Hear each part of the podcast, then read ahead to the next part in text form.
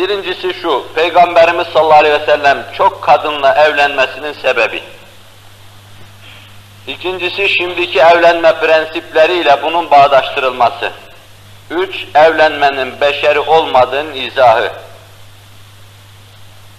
Herhalde onun evlenmesinin beşeri olmadığının izahı.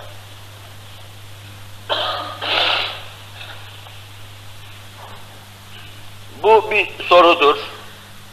Eski zamanın kafir mülhitlerinin kafasını meşgul ettiği gibi, yeni zamanın münafıkları da bunu çok bahsederler. Resul-i Ekrem aleyhissalatu vesselamın etrafa neşrettiği nura bakmazlar. Meydana getirdiği büyük inkılaba bakmazlar. Fransız ihtilali kebirinden 20. asra kadar bütün beşeri tahavvüllerde Resul-i Ekrem'in fikirlerinin, getirdiği inkılabın, o inkılabın prensiplerinin beşerin fikri hayatında nasıl temel kaynaklar, mesnetler olduğuna hiç bakmazlar. Yani topyekun bir beşerle oynayan Hz. Muhammed Aleyhisselatü Vesselam'ı görmez, sadece niçin çok kadınla evlendi derler. Bu meseleyi hususi toplantıda da bana soranlara evvela bir meseleyi diyalektik yönüyle ben arz ettim onlara öyle deyin dedim. Size de arz edeyim müsaadenizle. Caminin nezahetine aykırı bulmazsanız. Diyorlar ki aleyhissalatu vesselam niçin dokuz kadınla evlendi? Acaba böyle meşru bir daire açılsa ve kadınlar da razı olsa dokuz kadınla evlenmek istemeyen bir adam çıkar mı içimizden? Niye beşeri realiteye aykırı fikir beyan ediyorlar? Niçin kendilerini inkar ediyorlar? Bunu inkar eden, bu meseleyi serrişte edenlerin hayatlarında gayri meşru dokuz değil, on dokuz tane belki kadın var. Bu işin diyalektik yönü. Fakat Resul-i Ekrem aleyhissalatu vesselama hücum etmek için iyi bir cephe, hücum edelim diyorlar buradan. Resul-i Ekrem aleyhissalatu vesselam çok kadınla evlenmiştir. Böyle pak damene, kâmeti balaya, dokuz kadın değil, dokuz yüz kadın olsaydı hem kadınlar memnun olacaktı hem de kendisi idare edecekti onu. Ama dokuz tane Allah emretti, dokuz tane oldu. On olmadı. Bu dokuz tane bir anda kainatın fahrının nikahının altında bulunan kadınlardı. Bunu ben çeşitli yönleriyle size arz edeyim. Evvela şuna dikkatinizi rica edeyim. Efendimiz sallallahu aleyhi ve sellemin izdivaçlarının hiçbirinde şehevi ve beşeri bir duygu bahis mevzu değildir. Hiçbirinde ama. Buna tarih şahittir. Ben size nakledeceğim hadiselerin ışığı altında bunu göreceksiniz. Evvela Resul-i Ekrem aleyhissalatu vesselam takribi olarak ilk izdivacını 25 yaşlarında yaptılar. Sonra çok hanımların hayatına girme meselesi veya hayatına çok hanımların girme meselesi 54 yaşından sonra başladı. O ana kadar yoktu. 54 yaşından sonra Memaliki Harre'nin bu sıcak memleketin insanının 54 yaşından sonra kalkması için ayağı kolundan tutulup kaldırılması lazımdır. İşte o dönemden sonra evlendi Resul-i Ekrem Aleyhisselatü Vesselam. Resul-i Ekrem'in 25 yaşına kadar ilk evliliği olmamıştı, ondan sonra oldu. Oldukça kendinden yaşlı bir kadınla, Hadicetül Kübra ile radıyallahu anha. O devreye kadar Allah Resulü'nün hayatında yüz kızartıcı bir tek hadise sabit değildir. Neden değildir? Bakın, eğer aleyhissalatu vesselama isnat edilebilecek bir şey olsaydı, ne eski zamanın kafirleri, müşrikleri ne de yeni zamanın müsteşrik ve münafıkları bu meseleyi saklı bırakmazlardı. İntişar ederdi. Çünkü benzeri çok küçük hadiseler var, serrişte ediyorlar. Mesela Kelbi'den Mervi bir hadise var.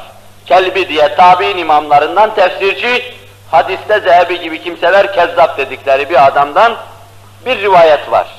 Diyor ki Kelbi aleyhissalatu vesselam cahiliye devrinde bir puta kurban kesmiştir. Müşrikler ve müsteşrikler bunu serrişte ediyorlar. Tamam diyorlar. İşte o da yanılmış.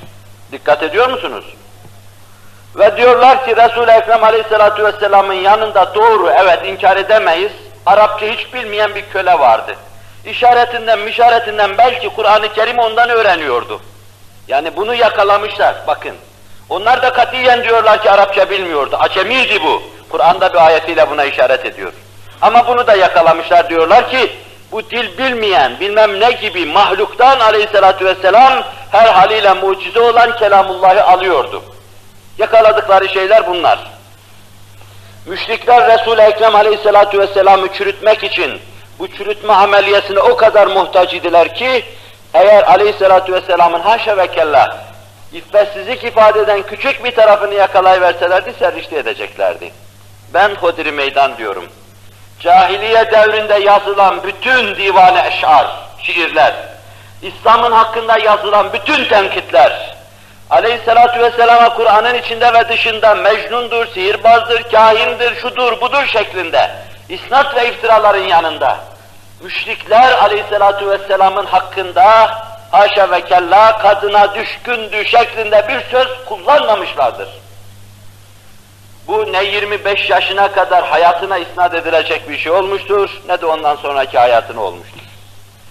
Aksine biz en mevsuk, tarih kitaplarında, magazi kitaplarında Hazreti Hadice ile ilk karşılaştığı an bir kadının karşısında buram buram ter döken bir nebiler nebisi görüyoruz.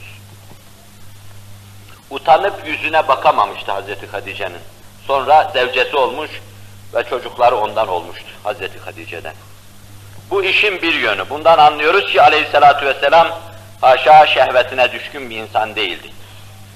Öyleyse izdivaçlarda başka yönler, başka taraflar, başka maslahatlar vardı arz edeceğim.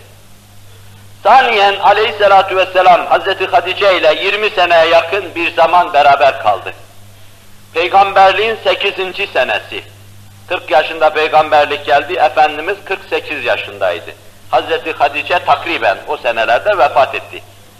O seneye hüzün senesi dendi. Ebu Talip de vefat etmişti. Hazreti Hadice bu yaşlı kadın vefat ettikten sonra da Efendimiz Mekke'de kaldığı beş sene içinde yine izdivaç yapmadı. Biset'in 13. senesi Medine-i Münevvere'ye hicret etti, o senede yapmadı. Biset'in, hicretin dört, birinci senesi bittikten sonra ikinci senesine doğru Hazreti Ayşe radıyallahu anha hazretleriyle izdivaç yaptı. Demek oluyor ki aleyhissalatu vesselam evvela 48 yaşına kadar bir kadınla hayatını geçiriyor. Ondan sonra 5 sene hayatında hiçbir kadın yok. Yaş 50'yi gelip geçiyor. 53 yaşında, 54 yaşına varıyor. Hazreti Hatice o dönemdeki durumunu anlatırken, nafile namazları aleyhissalatu vesselam oturarak kılardı. Çok uzattığı için ayakta, ayakta durmaya tahammül olmazdı. Otururdu, okurdu, okurdu, okurdu, rükû edeceği zaman ayağa kalkar, rükûa giderdi buyuruyor. Şimdi düşünün bir insanı. 54 yaşına kadar bir kadınla ve 4-5 senede kimseyle izdivaç yapmadan, iffet içinde hayatını geçiriyor. Namazı oturarak ancak kılabilecek hale geldikten sonra, sen kalktı ki hayatında 9 tane kadın vardı ve bunlar tamamen beşeri ve şeheviydi. Mantıkla bunu telif edemezsin. Öyleyse neydi aleyhissalatu vesselamın bu çok izdivaçlardaki maksadı? Bu çok değişikti. Çok değişik yönü olan bir husustu. Bir, aleyhissalatu vesselamın bu çok kadınlarla evlenmesinde esas ümmetini talim ve irşat vardı. Ne demek bu? Biz biliyoruz ki Efendimiz sallallahu aleyhi ve sellemin hayatı içtimaiyedeki hayatı, aile içindeki hayatı, mescitteki hayatı, tefekkür hayatı, konuşma hayatı tamamen ümmetine ders verme istikametinde geçti. Biz namazı onun namaz kılışından öğrendik. Orucu oruç tutuşundan öğrendik. İftarı iftarından, imsakı imsakından öğrendik. Halbuki aile hayatının yarısı tamamen kadınlara aittir. Şimdi aleyhissalatu vesselamın nikah altında bir tane kadının bulunduğunu düşünün. Sahabe-i kiram mecliste yüzlerce, vefat ettiği zaman mesela yüz bin sahabi vardı. Ağzından çıkan bir sözü yüz bin insan duyuveriyordu. Ama kadınlık meselesine gelince aleyhissalatü vesselamın mahrem aile hayatına ait meseleler. Kadın nasıl lohusu olur? Nasıl aybaşı olur? Aybaşı olduğu zaman nasıl vazife yapacak? Lohusu olduğu zaman nasıl vazife yap yapacak? Hayızdan nifastan kesildiği zaman iyase hali, durumu nasıl olacak? Daha hayız durumuna gelmeden çocukken, gençken vaziyeti nasıl olacak? Bütün bunlara dair o kadar çok ahkam var ki müminin hayatıyla alakalı. Doğrudan doğruya aleyhissalatu vesselamın hanesinin içinde pratik hayat olarak bir kadın bunu yaşamazsa kadınlığa ait ahkam olamayacaktı. Hani kadının hukukunun, hakkının müdafaa edildiği bu dönemde kadının hakkına öyle bir tecavüz olacaktı ki bu tarih eşini kaydetmemiştir. Aleyhissalatu vesselam evine aldığı bu muhterem ezvacı tahirat diyoruz. Bunlar bir yönüyle aleyhissalatu vesselamın zevceleri. Fakat esas vazifeleri itibariyle Peygamberimizin talebeleri, tilmizleri ve kadınlık aleminin de mürşideleri, muallimeleriydi. Fıkıh, hadis ilmine dair ilmin yarısının hemen hemen Ümmü Seleme gibi, Hazreti Ayşe gibi kadınlarla bize geçtiğini görürüz. Hazreti Ayşe o kadar dirayet, o kadar kıyasete sahip bir kadındı ki, çok küçük yaşta, 5-10 yaşındayken o saadet hanesine girmiş, gözünü açmış o haneyi görmüş, çocukluktaki bütün cevval zekası aleyhissalatu vesselama ait meseleleri kavramakla geçmiş. Efendimiz vefat ettiği zaman 20 yaşında ya vardı ya yoktu ama bir ilim dağarcığı haline gelmişti. Bize tarih gösteriyor ki Hazreti Ömer devrinde Hazreti Ömer bile çok meseleleri Hazreti Ayşe'ye istifta ediyordu. Anacığım diyordu bu mevzuda aleyhissalatü vesselam'dan ne duydun diyordu. Mesruk gibi tabiinin imamları her gece Kur'an-ı Kerim iki kere hatmeden, sabah, yatsının abdestiyle 40 sene sabah namazını kılan ve aynı zamanda Tavus-i Keysan gibi kimseler Hazreti Ayşe'nin yetiştirmeleri onun kapısında yetişmiş kimselerdi. Daha sonraki Buhari, Müslimler devrine ilmi hadis, ilmi fıkıh işte bu zatlar vasıtasıyla intikal ediyordu. Ve bunların her birisi de bir yolla Hazreti Ayşe'den ders alıyordu. Diğer zevceleri de buna kıyas ettiğiniz zaman anlayacaksınız ki Aleyhisselatu Vesselam'ın zevceleri daha ziyade o saadet hanesinde birer talebe ve bize göre de birer mürşide ve muallimedir. Evet, bir yönüyle bunu böyle düşüneceğiz. Hazreti Ayşe gibi, Ümmü Seleme gibi kimselerde bunlar adam derecedeydi. Hazreti Ayşe bazılarının fetvalarını itiraz bile ederdi. Mesela derdi ki, kardeşim Ömer yazık, bu meseleyi çok iyi bilir ama yanılıyor, böyle değil bu böyledir derdi. Ebu Hüreyre hiç de sohbeden ayrılmazdı ama fakat bu meseleyi kavrayamamış. Ben Resul-i Ekrem'e kaç defa evde bunu sordum, bana şöyle dedi. Binaenaleyh ilmin hakikatini intikal ettirmiştir. Bir, böyle kabul edelim. İki, Aleyhisselatu Vesselam'ın izdivaçlarında bir de bütün kabileler tarafından kendisinin destek görmesi, bütün kabilelerle sıhriyet yoluyla akrabalık tesis etmesi ve çok kuvvetli hale gelmesi. Bu çok hayati bir meseledir. Mesela bir insan taşradan gelse, şu Bornova'da tek başına kalsa belki evine girecek, çıkacak kimse olmayacaktır. Belki ölse cenazesinden kimsenin haberi olmayacaktır. Müezzine gidip haber veren olmayacaktır. Ama bu adam buraya geldiğinde bir tanesiyle ya kızını verse veya birinin kızını alıverse oğluna, onun akrabasıyla akraba olacak, öbürüyle akraba olacak, zincirleme bir akraba, zincirlemesi ortaya çıkacaktır. Cenazesi teşhir edilecektir, başında bulunacaktır, hücum edildiği zaman korunacaktır ve millet icabında eğer büyük bir insansa can siperane onu müdafaa etmeyi cana minnet bilecektir. Şimdi aleyhissalatu vesselamın durumunu düşünün. Mekke-i Mükerreme'de kavmini, kabilesini bırakmış, Medine-i Tahire'ye gitmiş. Medine-i Tahire'de bir taraftan Yahudi düşmanlığı var. Bir taraftan Medine'nin daha ziyade siyasi havasını o güne kadar hakim, münafıkların düşmanlığı var. Bir tarafta Evs ve Hazreç kabileleri işte biat etmiş, ittiba etmiş, iktida etmişler. Fakat böyle bir sihriyetle, akrabalıkla bağlılık durumları olmadığından zayıf, pamuk ipliğiyle bağlı gibi bir şey. Bu, onun peygamberlik şahsına, nübüvvetine, Kur'an'a, imana, İslam'a bağlılığın yanı başında ayrıca cibilli bir bağlılık meydana getiriyor. Ben bütün mümin kardeşleri severim. Ama anne baba bir, nesebi kardeşim şayet mümin ise elimde olmayarak ona karşı daha fazla bağlılık ishar ederim. Bu beşeridir, bunun önüne geçilmez. Böyle bir rabıta, bir bağ teessüs ettiği zaman bir de bakarsın ki sen gönlünden başkasına ne kadar bağlı olursan ol, bu cibilli bağ ona galebe çalar, onun üstünde gelir hemen. Aleyhissalatu vesselam Evs'ten bir kadın aldı. Bütün Evs kendisini Resul-i Ekrem'in akrabası saydı. Hazreç'ten bir kadın aldı ama o dönemde yani beşeri garizesi, beşeri harareti söndüğü dönemde Hazreç'ten bir kadın aldı. Bütün Hazreç şeref ve zerfiraz oldu. Aleyhissalatu vesselam bizim damadımız oldu dediler. Hayber'den bir kadın aldı, Yahudi bile kendisini Resul-i Ekrem akraba saymaya başladı. Mukavkıs bir kadın gönderdi. Mısır havalisi, oradaki bilmem kimler, kabileler, biz de peygambere bir kadın verdik dediler. Hazreti Ömer aleyhissalatu vesselama bu noktada akraba oldu. Hazreti Ebu Bekir akraba oldu. Aleyhissalatu vesselam zevceleriyle teessüs eden bu akrabaları sayesinde öyle kalabalık, öyle güçlü ve canı gönülden öyle bağlı, kuvvetli bir aile haline geldi ki eşini göstermeye imkan yoktur. Bütün tarih boyunca başkalarıyla böyle akrabalık tesis etmek suretiyle o cemaat ve kabilelerin içine sızma, onların efkarlarını öğrenme hedef edinildiği gibi kuvvet kazanılma meselesi de hedef edinilmiştir. Biz bu yönüyle kuvvet kazanma yönünü bir de onların içine sızma durumlarını görme, öğrenme meselesini öğrenmiş olalım. Onlar Efendimizin hanesini öğrensinler, Efendimiz onların hanesini öğrensin.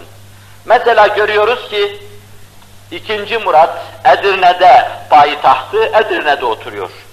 Hazreti Fatih'in neşet ettiği Maskat-ı Re'si esas Edirne'dir, saray içi. Hala o muhteşem sarayın harabeleri durmaktadır. İkinci Murat, Fatih'in anasının dışında Rumlardan bir tane kadın alıyor. Hazreti Fatih gibi Allah Resulü'nün ne güzel emirdir diye tebcil ettiği bir insanın bu davranışını basite irca edemezsiniz. Kendinden evvel onun dedesi Yıldırım Bayezid de Bizans'tan iki tane kadın almıştı, tarih söylüyor. Despota ve Olivera. Yıldırım Bayezid bu kadınlar vasıtasıyla Bizans'ın içini avucun içi gibi biliyordu. Zevceleriydi, mahremdi bunlar. Bizans sarayındaki entrikaları çok iyi biliyordu. Zayıf noktalarını yakalayacak, darbesini indirecekti bununla. Binaenaleyh bir devlet, devlet adamı için bu esasen jeopolitik bir savaştır. Böyle davranması onun için elzemdir. Hatta kendi devletinin hayatiyeti bakımından farzdır.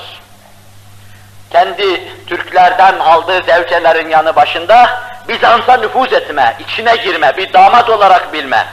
Bu çok mühim ve çok enteresandı. O belki muvaffak olamadı, Allah Fatih'e muvaffak etti, Fatih'i muvaffak etti, Fatih'e müyesser oldu bu. Şimdi Resul-i Ekrem Aleyhisselatü Vesselam'ın hayatında da bunu çok geniş dairede düşüneceksin. Mısır'daki Heraklius'un bir valisi Mukavkıs mesela. Resul-i Ekrem Aleyhisselatü Vesselam'a bir kadın gönderiyor. Kadınla hiçbir alakası olmayan Nebiler Nebisi bunu aziz bir hediye, azize bir hediye olarak kabul ediyor. Ama Mısır'ı çok iyi öğreniyor Aleyhisselatü Vesselam. Onlarla da ufak bir akrabalık tesis ediyor. Teessüs eden bu akrabalık sayesinde o büyük işlerini başarıyor, onlardan endişesi yoktur artık. Mesela Hayber'den bir kadın alıyor aleyhissalatü vesselam. Safiye binti Hüyey ibn Ahtab. Bu Hazreti Harun'un torunlarından bir kadındı. Oradaki Yahudilerin kızıydı. Herhalde Mihrab'ın hanımı mıydı, bilmem nesiydi.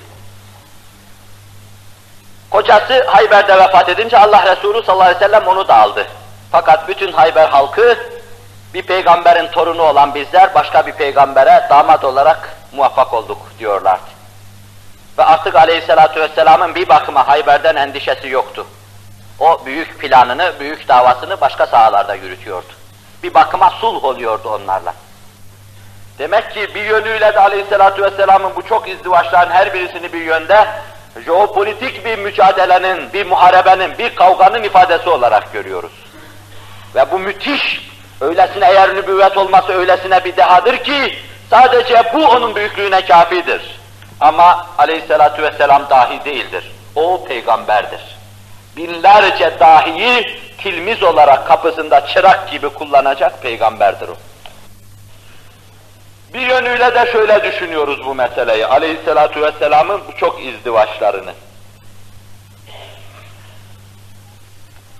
Hayatı içtimaiyede kadınlar hususiyle kimisi gençtir, kimisi ihtiyardır, kimisi zengindir, kimisi fakirdir. Kimisi duldur, kimisi de işte başka türlüdür. Batılı tasvir edip efkarınızı bulandırmış olmayayım. Bunların dini hayatları, ailevi hayatları tamamen değişiktir. Bir kadın olsa sadece, mesela dul bir kadın olsa veya genç bir kadın olsa, o kadına müteallik ahkam olacak ama fakat diğerlerine ait ahkam aksayacak. Bütün kadınlar aleyhissalatu vesselamın hayatına girince, bütünüyle kadın alemi girmiş gibi olacak. İhtiyara ait nasıl ahkam vaat edilir? Gence ait nasıl ahkam vaat edilir?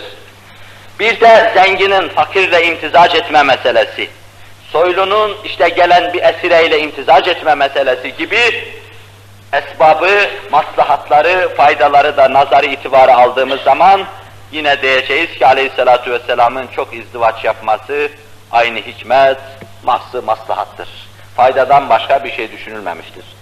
Bir kısacasını da şöyle arz edeyim. Aleyhissalatu vesselamın bütün bunların hepsiyle cevap verebiliriz hasımlarımıza. Bir kısacasını da şöyle arz edeyim.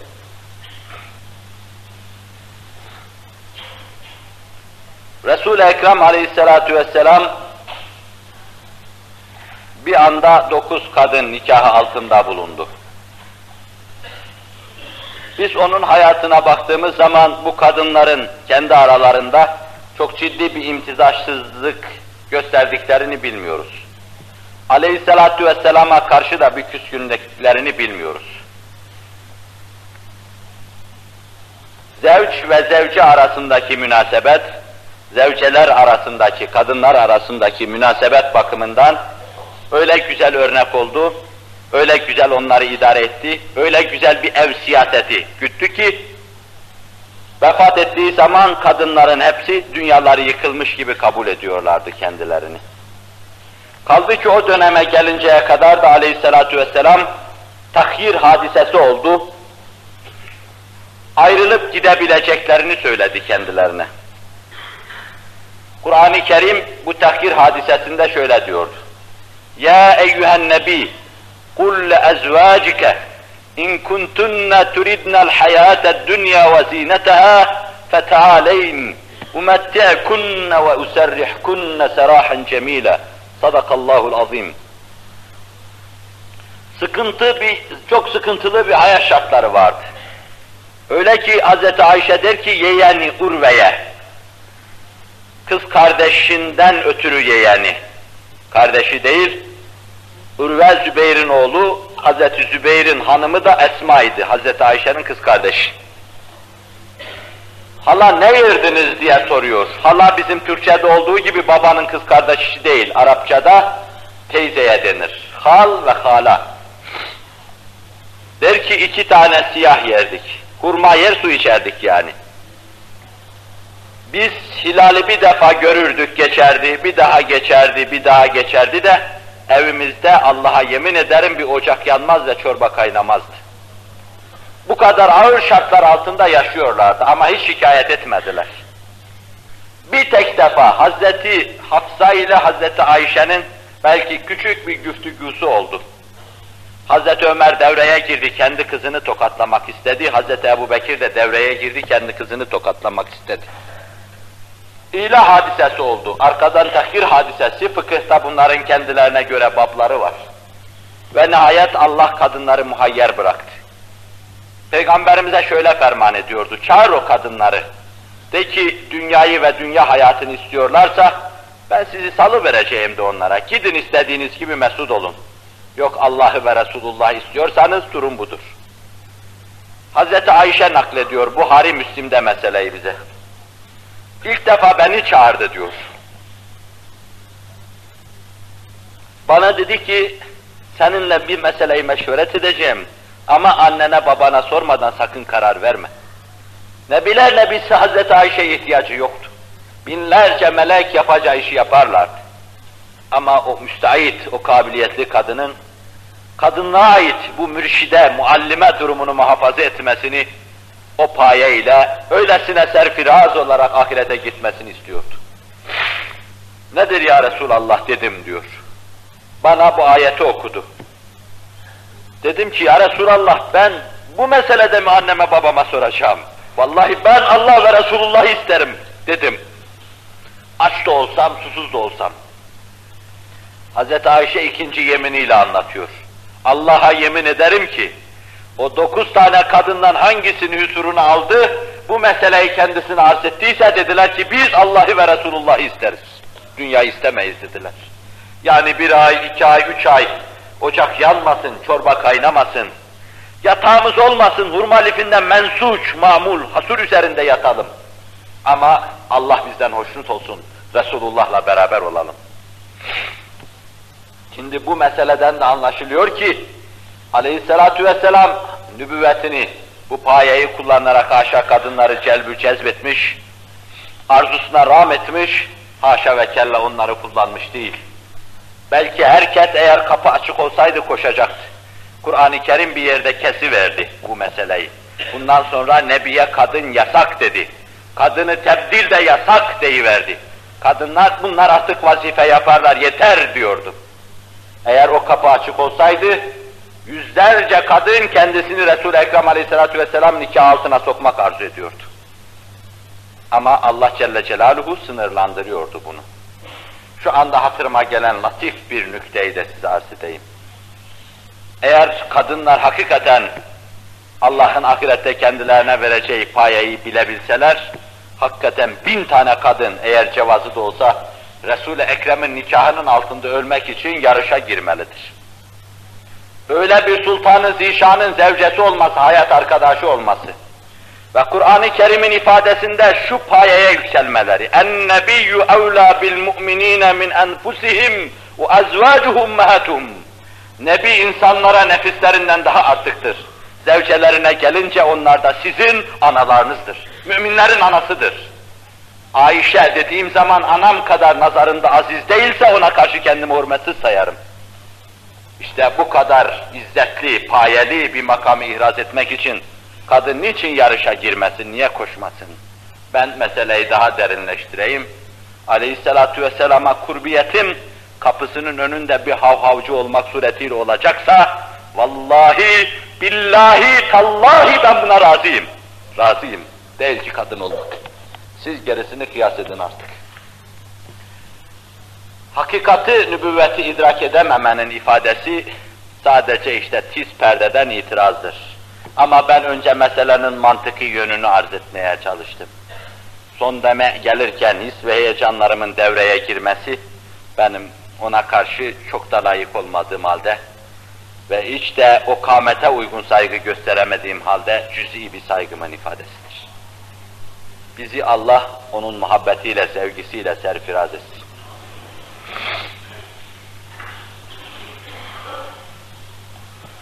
Yine de bu arz ettiğim şeylere itiraz olarak bir şey olacak kimse sorabilir.